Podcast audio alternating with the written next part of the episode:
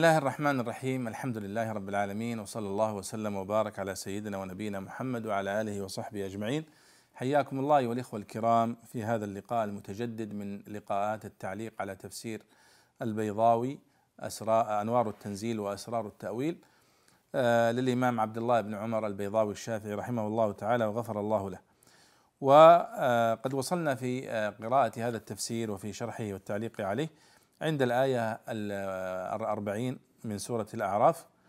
ونكمل بإذن الله تعالى الحديث عن هذه الآيات. كنا يعني توقفنا عند قول الله تعالى إن الذين كفروا آه، إن الذين كذبوا بآياتنا واستكبروا عنها لا تفتح لهم أبواب السماء ولا يدخلون الجنة حتى يلج الجمل في سم الخياط. آه، وكذلك نجزي المجرمين. وقلنا كما قال البيضاوي إن المقصود بذلك أن الذين كذبوا بآيات الله واستكبروا عنها الكفار يستحيل أن يدخلوا الجنة.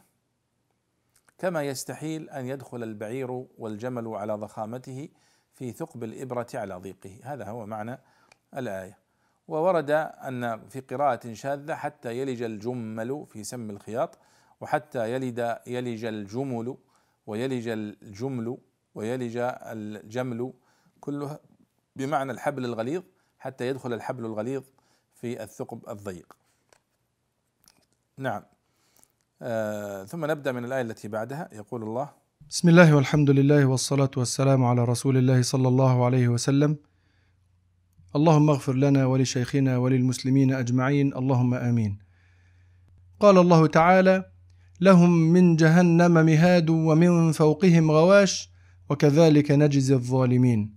قال رحمه الله لهم من جهنم مهاد فراش ومن فوقهم غواش أغطية والتنوين فيه للبدل عن الإعلال عند سيبويه وللصرف عند غيره. وقرئ غواش على إلغاء المحذوف.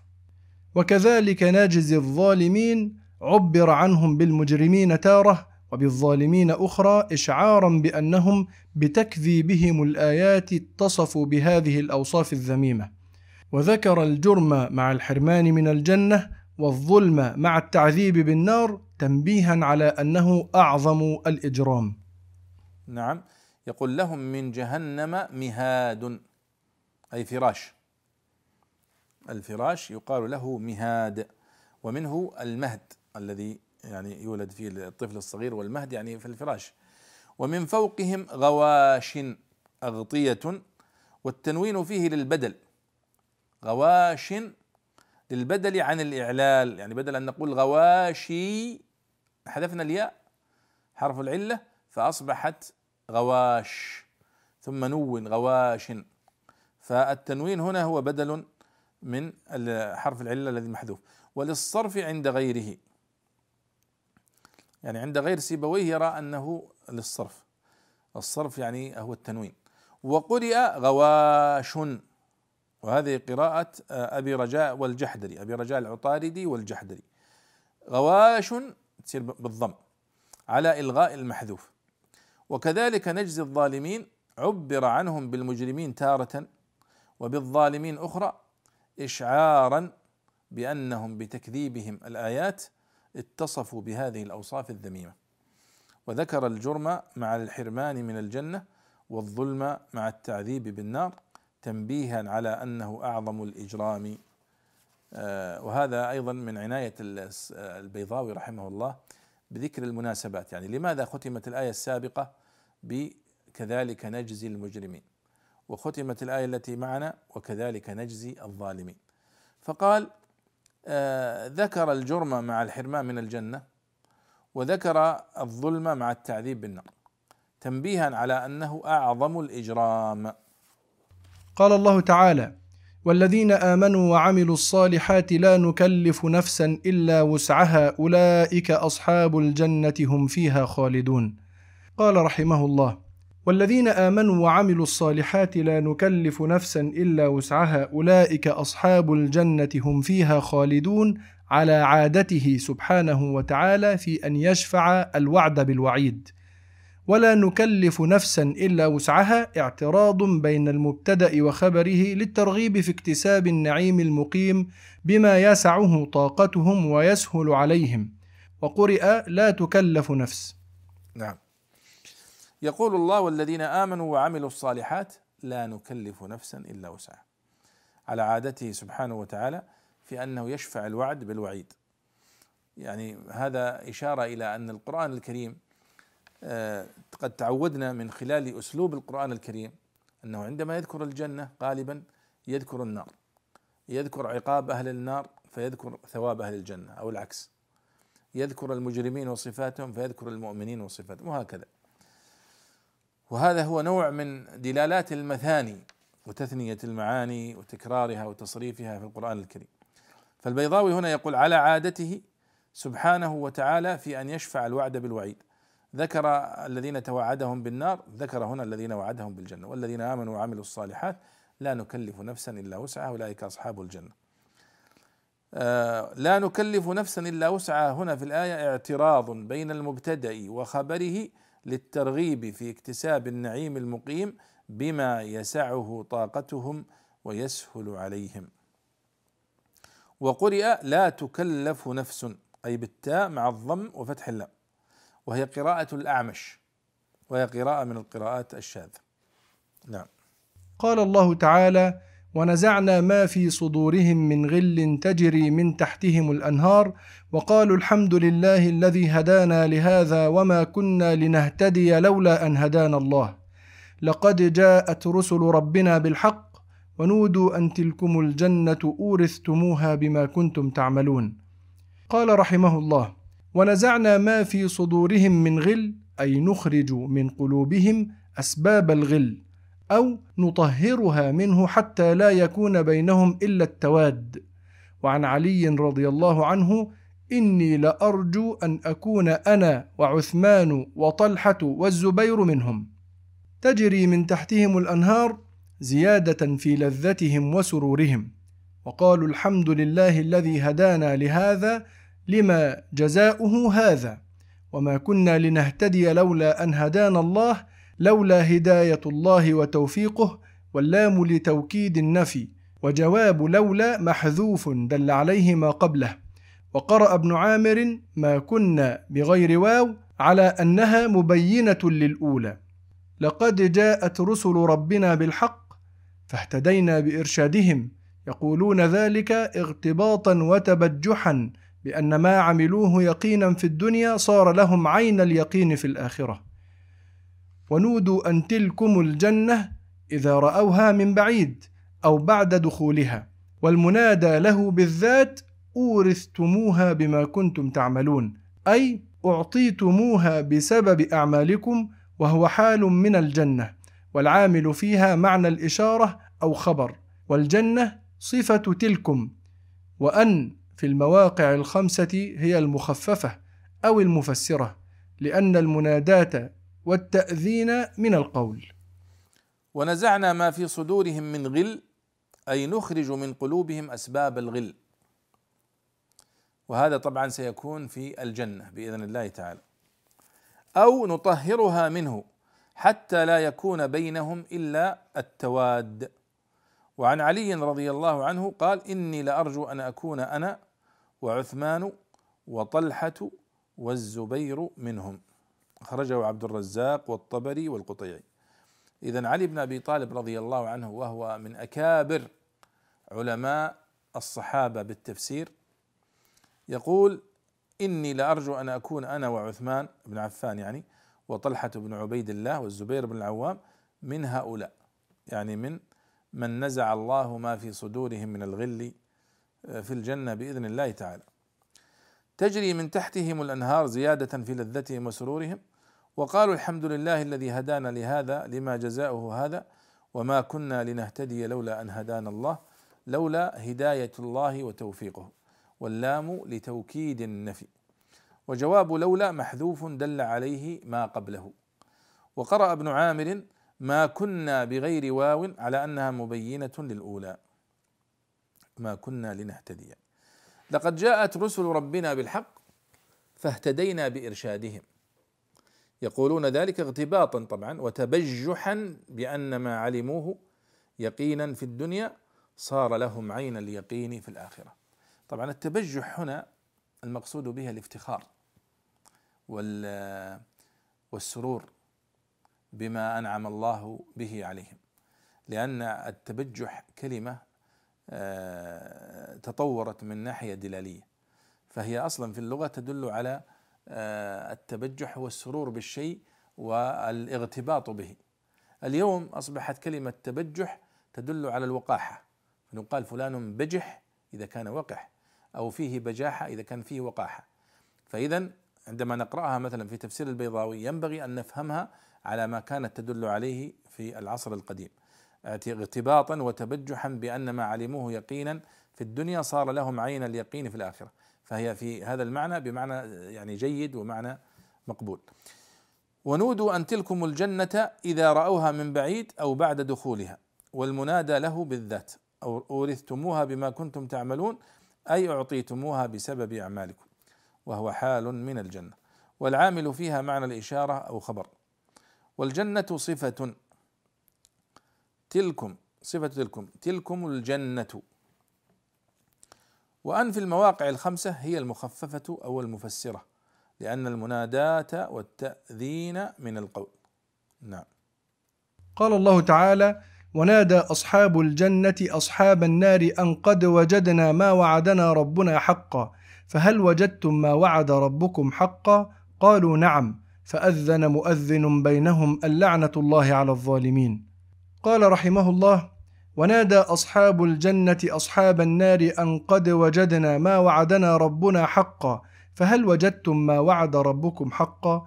إنما قالوه تبجحا بحالهم وشماتة بأصحاب النار وتحسيرا لهم وإنما لم يقل ما وعدكم كما قال ما وعدنا لأن ما ساءهم من الموعود لم يكن بأسره مخصوصا وعده بهم كالبعث والحساب ونعيم أهل الجنة.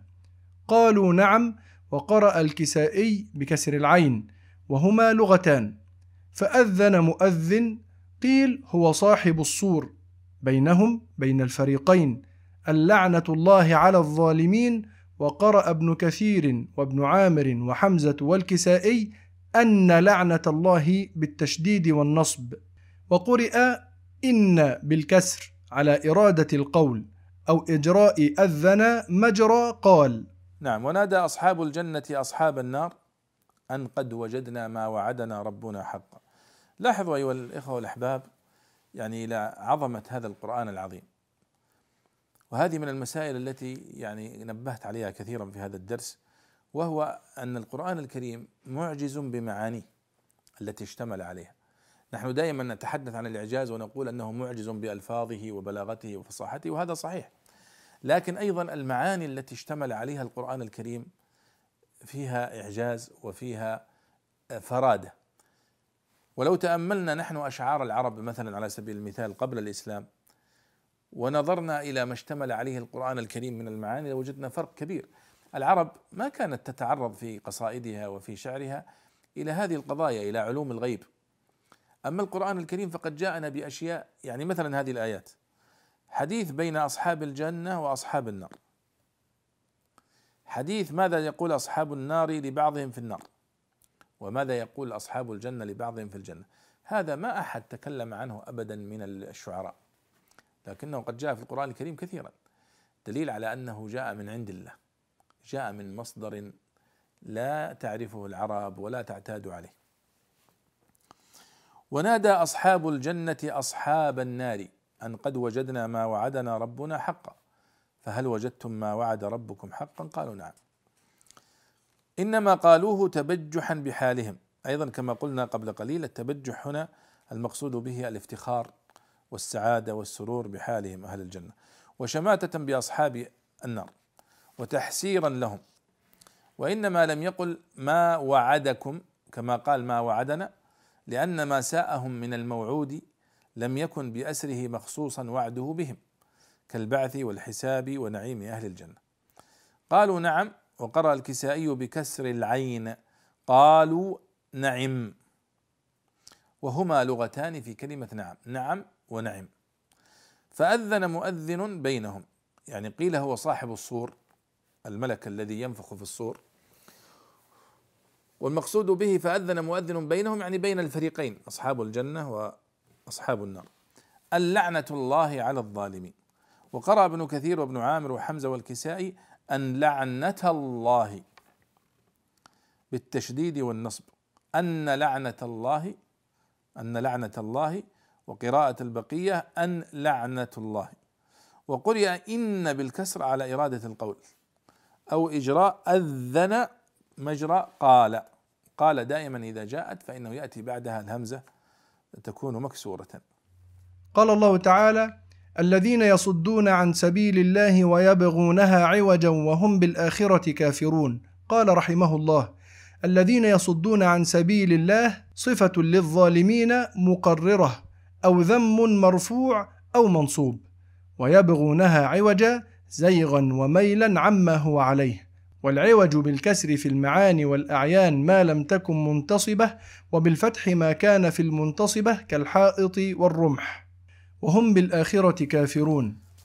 نعم الذين يصدون عن سبيل الله هي صفة للظالمين. أن لعنة الله على الظالمين الذين يصدون عن سبيل الله. وكلمة الظالمين هي مقررة أو ذم مرفوع أو منصوب. الذين يصدون إن لعنة الله على الظالمين الذين يصدون آه، عن سبيل الله. ويبغونها عوجا العوج يعني زيغ والميل عما هو عليه. والعوج بالكسر في المعاني والأعيان ما لم تكن منتصبة وبالفتح ما كان في المنتصبة كالحائط والرمح. إذا العوج بالكسر هو العوج في المعاني كما قال والأعيان. ما لم تكن منتصبة أي قائمة على وجه الأرض. وبالفتح وهو العوج ما كان في المنتصبة كالحائط والرمح. فتقول الرمح فيه عوج والحائط فيه عوج. ولا تقول الرمح فيه عوج. وأما إذا كانت في المعاني أو في الأعيان التي ليست منتصبة فتقول عوج. سبحان الحمد لله الذي أنزل على عبده الكتاب ولم يجعل له عوجا لأنه معنى الكتاب وما اشتمل عليه القرآن الكريم هي معاني ليس فيها عوج يعني انحراف. وأما إذا كان في الأشياء الأخرى فإنه يقال عوج بالفتح. طيب. قال الله تعالى وبينهما حجاب وعلى الأعراف رجال يعرفون كلا بسيماهم ونادوا أصحاب الجنة أن سلام عليكم لم يدخلوها وهم يطمعون. قال رحمه الله وبينهما حجاب أي بين الفريقين. لقوله تعالى فضرب بينهم بسور. أو بين الجنة والنار ليمنع وصول أثر إحديهما عن الأخرى. وعلى الأعراف وعلى أعراف الحجاب أي أعاليه وهو السور المضروب بينهما. جمع عرف. مستعار من عرف الفرس وقيل العرف ما ارتفع من الشيء فإنه يكون بظهوره أعرف من غيره. رجال طائفة من الموحدين قصروا في العمل فيحبسون بين الجنة والنار حتى يقضي الله سبحانه وتعالى فيهم ما يشاء. وقيل قوم علت درجاتهم كالأنبياء أو الشهداء أو خيار المؤمنين وعلمائهم أو ملائكة يرون في صورة الرجال يعرفون كلا من أهلي الجنة والنار بسيماهم بعلاماتهم التي أعلمهم الله بها كبياض الوجه وسواده. فعل من سام إبله إذا أرسلها في المرعى معلمة أو من وسم على القلب كالجاه من الوجه وإنما يعرفون ذلك بالإلهام أو تعليم الملائكة. ونادوا أصحاب الجنة أن سلام عليكم أي إذا نظروا إليهم سلموا عليهم. لم يدخلوها وهم يطمعون. حال من الواو على الوجه الأول ومن الأصحاب على الوجوه. قال الله تعالى وإذا صرفت أبصارهم تلقاء أصحاب النار قالوا ربنا لا تجعلنا مع القوم الظالمين. قال رحمه الله وإذا صرفت أبصارهم تلقاء أصحاب النار قالوا تعوذوا بالله. ربنا لا تجعلنا مع القوم الظالمين أي في النار. وبينهما حجاب. أي بين الفريقين أصحاب الجنة وأصحاب النار بينهم حجاب. يحجب كل منهم عن الآخر. وعلى الأعراف رجال يعرفون كلا بسيماهم. قال البيضاوي وبينهما حجاب أي بين الفريقين لقوله تعالى فضرب بينهم بسور كما في سورة الحديد أو بين الجنة والنار ليمنع وصول أثر إحداهما عن الأخرى. وعلى الأعراف يعني وعلى أعراف الحجاب أي أعاليه وهو السور المضروب بينهما. جمع عرف مستعار من عرف الفرس. عرف الفرس. وقيل العرف ما ارتفع من الشيء فإنه يكون بظهوره أعرف من غيره. إذا الأعراف هنا على كلام البيضاوي هي هو السور الذي يحول بين أصحاب الجنة وأصحاب النار. فأعلى السور الذي بينهم يسمى أعراف وهي أعلاه. والسور المضروب بينهما الذي ذكره الله وضرب بينهم بسور له باب جمع عرف أعراف جمع عرف وهو مستعار من عرف الفرس من عرف الفرس. وأيضا عرف الديك يقال له ما هو يعني أعلى الرقبة. وقيل العرف ما ارتفع من الشيء فإنه يكون بظهوره أعرف من غيره. وهذا صحيح أيضا لأنه سمي أصلا عرف الفرس وعرف الديك لأنه مرتفع وفي أعلاه فكذلك السور المرتفع يقال له عرف وجمعه أعراف. إذا الأعراف هنا في هذه الآية 46 من سورة الأعراف بهذا سميت سورة الأعراف سورة الأعراف. هذه القصة قصة الأعراف والإشارة إلى الأعراف لا توجد في القرآن الكريم إلا في هذا الموضع في سورة الأعراف. ولذلك لاحظوا في تسميات السور في القرآن الكريم تسمى السورة باسم شيء انفردت به مثلا لم يرد إلا فيها.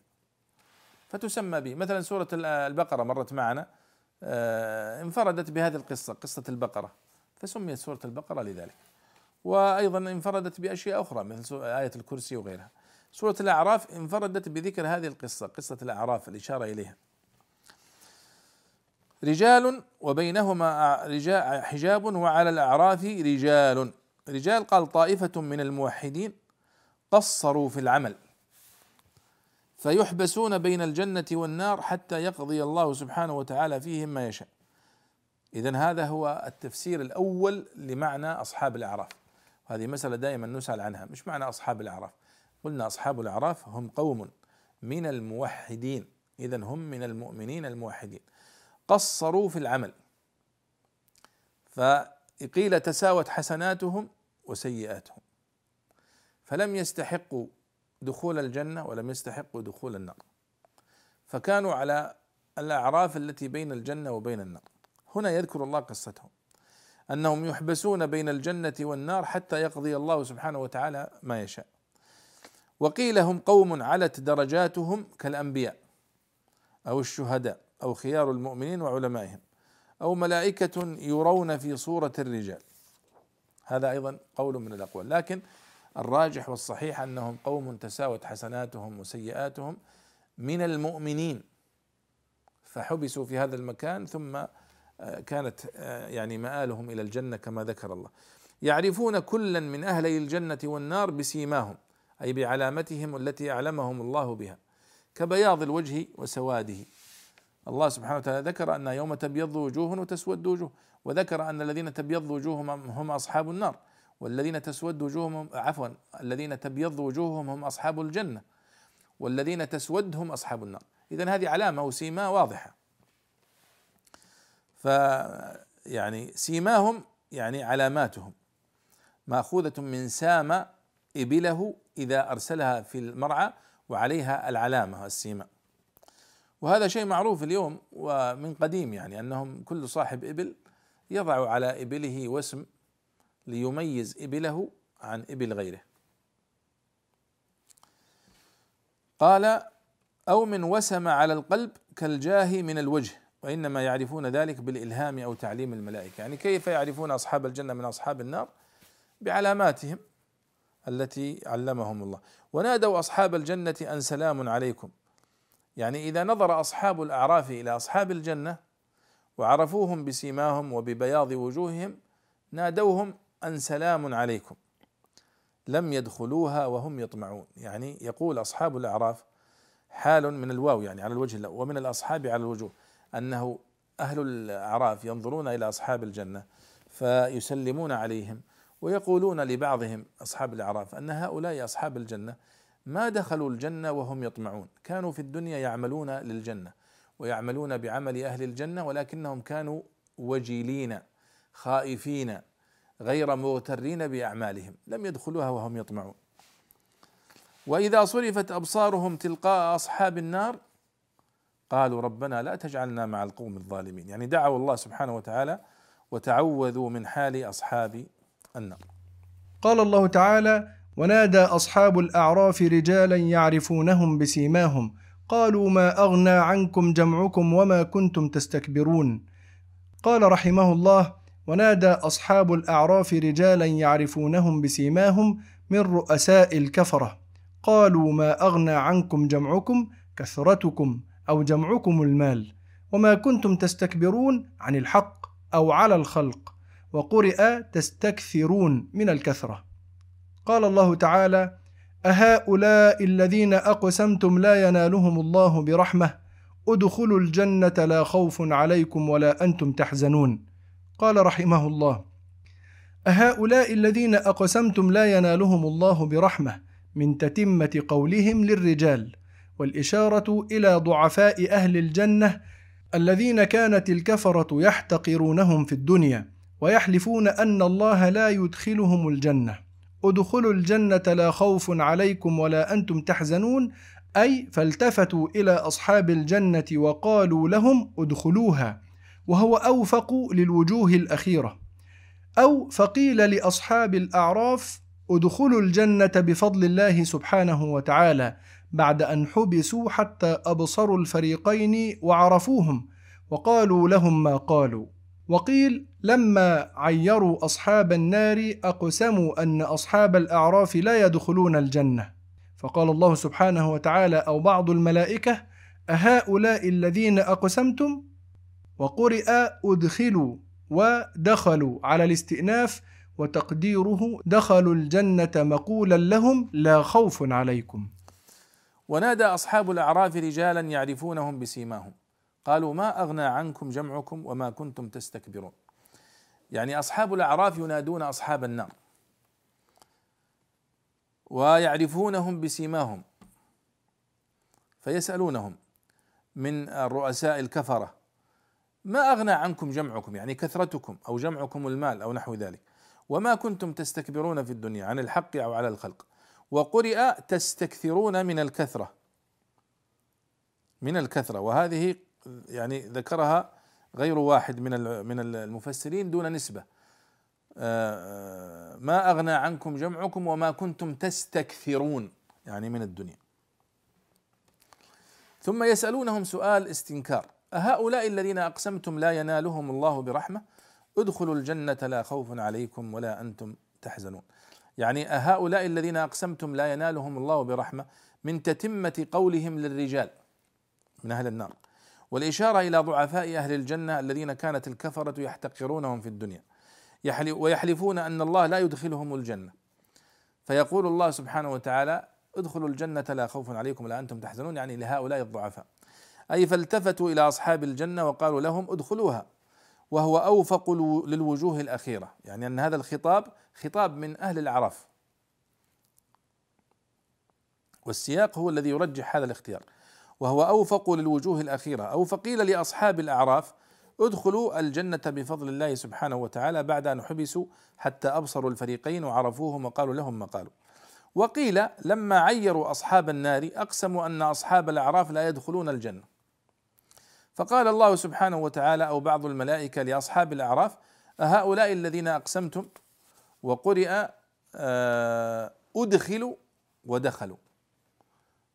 أدخلوا ودخلوا على الاستئناف. وتقديره دخلوا الجنة مقولا لهم لا خوف عليكم ولا أنتم تحزنون. قال الله تعالى ونادى أصحاب النار أصحاب الجنة أن أفيضوا علينا من الماء أو مما رزقكم الله قالوا إن الله حرمهما على الكافرين. قال رحمه الله ونادى أصحاب النار أصحاب الجنة أن أفيضوا علينا من الماء أي صبوه وهو دليل على أن الجنة فوق النار. من الماء أو مما رزقكم الله من سائر الأشربة ليلائم الإفاضة أو من الطعام كقوله علفتها تبنا وماء باردا. قالوا إن الله حرمهما على الكافرين منعهما عنهم منع المحرم على المكلف. ثم يستمر الحوار بين أهل الأعراف وبين آه، أصحاب الجنة وأصحاب النار فيقول الله ونادى أصحاب النار أصحاب الجنة. صار الحوار بين أصحاب الجنة وأصحاب النار. أن أفيضوا علينا من الماء أو مما رزقكم الله. قالوا إن الله حرمهما على الكافرين. ونادى أصحاب النار أصحاب الجنة أن أفيضوا علينا من الماء. أي صبوه. وهو دليل على أن الجنة مرتفعة على النار.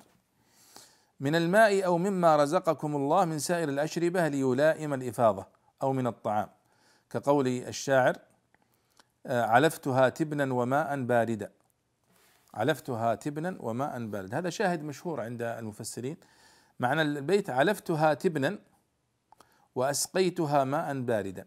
لكنه ما قال ذلك. ما قال علفتها تبنا وأسقيتها ماء باردا. قال علفتها تبنا وماء باردا. فكذلك هنا آه، قولهم أفيضوا علينا من الماء أو مما رزقكم الله. معنى الحديث أفيضوا علينا من الماء لأنه هو الذي يفاض. وأعطونا مما رزقكم الله.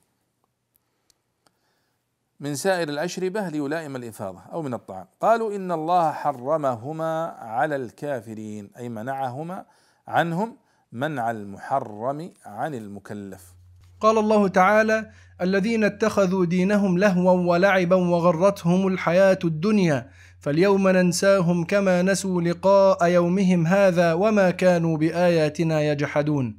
قال رحمه الله الذين اتخذوا دينهم لهوا ولعبا كتحريم البحيرة والتصدية حول الكعبة واللهو صرف الهم بما لا يحسن أن يصرف به طلب الفرح بما لا يحسن أن يطلب به.